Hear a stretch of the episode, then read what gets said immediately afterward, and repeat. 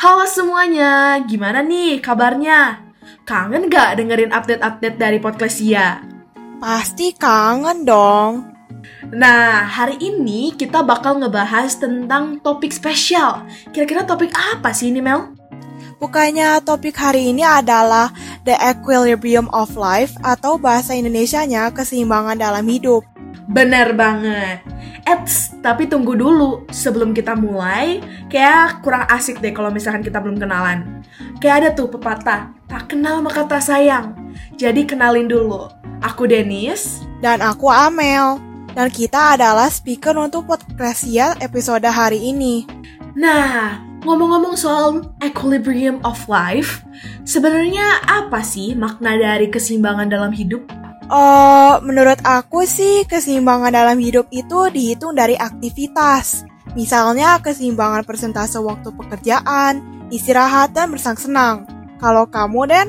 Hmm, kalau aku sih ya kayaknya aku sih lebih percaya kalau misalkan namanya keseimbangan itu tuh nggak selalu harus sama setiap aktivitasnya.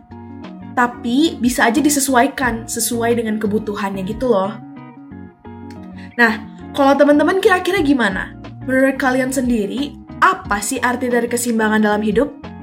Nah, pastinya jawaban setiap kita bakal berbeda sama yang lain, ya nggak sih? Benar-benar benar.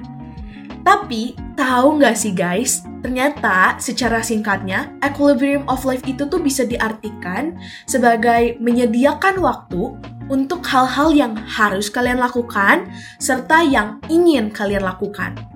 Wah, bener.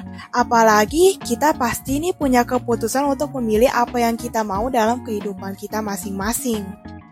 Nah, tapi ada nggak sih yang pernah mikirin apa yang dimaksud dari aspek kehidupan paling tepat?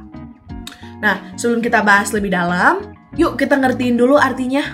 Jadi, aspek kehidupan atau yang biasa disebut enam keajaiban kemanusiaan adalah aspek kehidupan yang saling terhubung satu sama lain dan as setiap aspek ini tuh punya sifat yang gak bisa dibedakan. Wih, apa aja tuh Mel enam ke keajaibannya?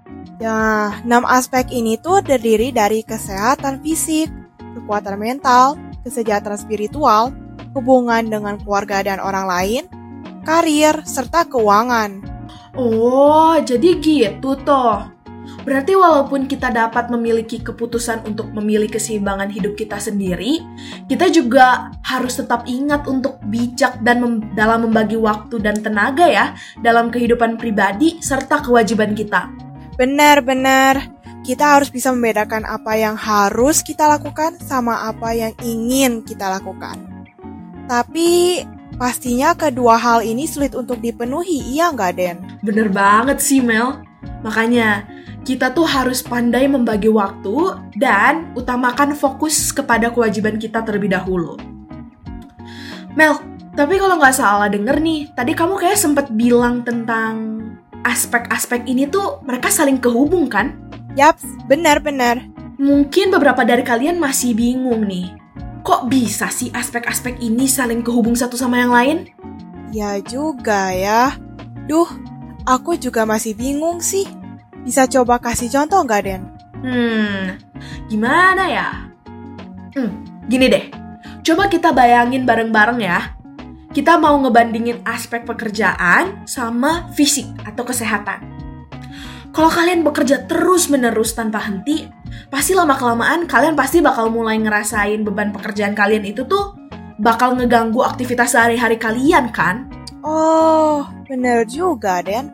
Itu kan bisa mengakibatkan kita akan kurang istirahat dan kesehatan fisik kita bahaya. Seperti produktivitas yang kurang hingga masalah kesehatan dalam jangka panjang loh. Ih, serem juga ya.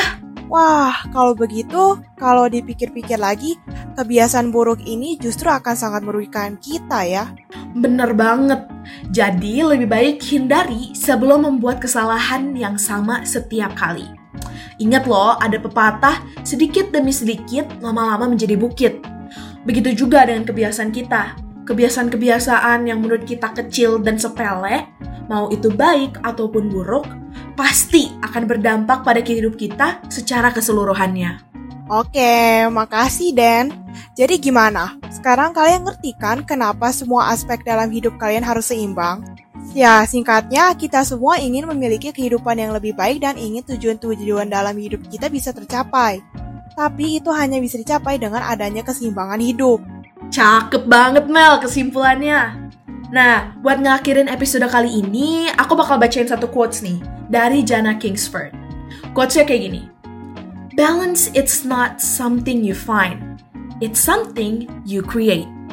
Keseimbangan dalam hidup itu bukan sesuatu yang harus kita cari, tapi adalah sesuatu yang harus kita ciptakan. Wis, keren. Oke, segitu aja buat podcastnya episode kali ini. Makasih buat semua yang sudah dengerin sampai akhir ya. Stay safe and stay healthy. Aku Amel dan Aku Denis. Kita pamit undur diri dan thank you for listening. See you on the next episode. Bye-bye. bye.